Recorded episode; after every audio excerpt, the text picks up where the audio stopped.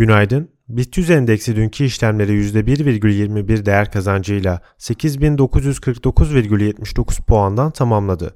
Dün günün en yüksek seviyesi olan 8990,37 ile yeni seans ve test edilirken en düşük 8862 test edildi. Toplam işlem hacmi 120 milyar TL olarak gerçekleşti. Bankacılık endeksi dün %0,12, sanayi endeksi %1,67 değer kazandı. BIST 100 endeksine hisse bazlı BİMAŞ, Tüpraş, Şişe, Borusan, Ülker destek verirken Kontrolmatik, Astor, Gesan, Sabancı Holding ve Europower endeksi baskılayan tarafta yer aldı. BIST 100 endeksinde dünkü işlemlerde alıcılı yönde seyir gözlendi. 8900 direncini yukarı yönle geçen endekste yükseliş 9000 direnci yakınlarına kadar devam etti. Günün en yüksek seviyesi aynı zamanda yeni seans zirvenin taşındığı 8990,37'den başlayan satış baskısı 8863'ten karşılandı. Endekste kapanışın bir önceki günün en yüksek seviyesinin yukarısında gerçekleşmesi olumlu olarak değerlendirilebilir. BIST 100 endeksinde açılışın hafif artı yönde olmasını beklemekteyiz. Endekste yukarı yönlü hareketlerde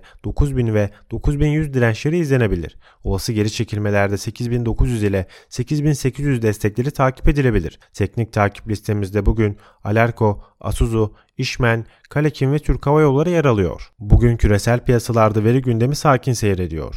Avrupa'nın en büyük ekonomisi Almanya'nın tüfe verileri izlenecek. Yurt içinde ise bugün sanayi üretimi takip edilecek. Herkese bol kazançlı bir gün dileriz.